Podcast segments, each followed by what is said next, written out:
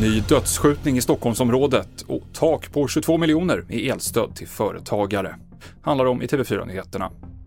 Två personer har blivit skjutna i Jordbro söder om Stockholm.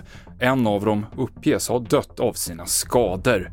Enligt polisen har det här skett nära pendeltågsstationen och tågtrafiken har blivit stoppad. Det har varit ett stort antal våldsdåd i Stockholmsområdet den senaste tiden, men det är oklart om den här händelsen har koppling till tidigare skjutningar och sprängningar.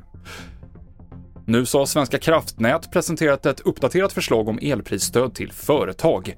Stödbeloppet till varje mottagare kommer vara max drygt 22 miljoner kronor.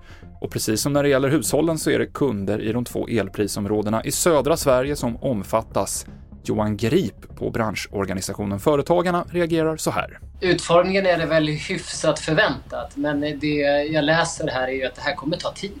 Det ska ansökas först och sen så ska det ges till någon myndighet så de får i uppdrag att betala tillbaka de här pengarna och det kommer ta tid. Jag är rädd att det här kommer ta för lång tid. Det framgår ju också här, eh, som du är inne på, eh, att eh, Svenska kraftnät inte kan svara på när det här stödet kommer att betalas ut.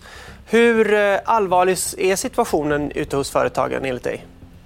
Ja, nu är det ju eh, nästan så allvarligt som det kan bli. Alltså, de riktigt höga elräkningarna har ju börjat komma. Eh, så i slutet av januari och slutet av februari då har vi alltså rekordhöga räkningar som ska betalas.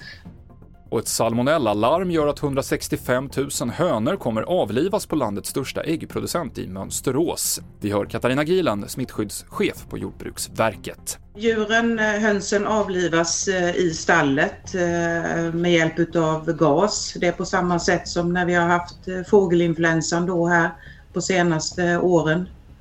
Eh, och sen så eh, töms stallet och eh, allting i stallet tas ut, gödselbädd och så vidare och sen så ska stallet rengöras.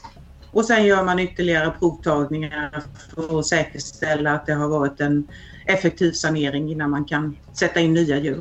Senaste nytt hittar du på tv4.se. Jag heter Mikael Klintevall.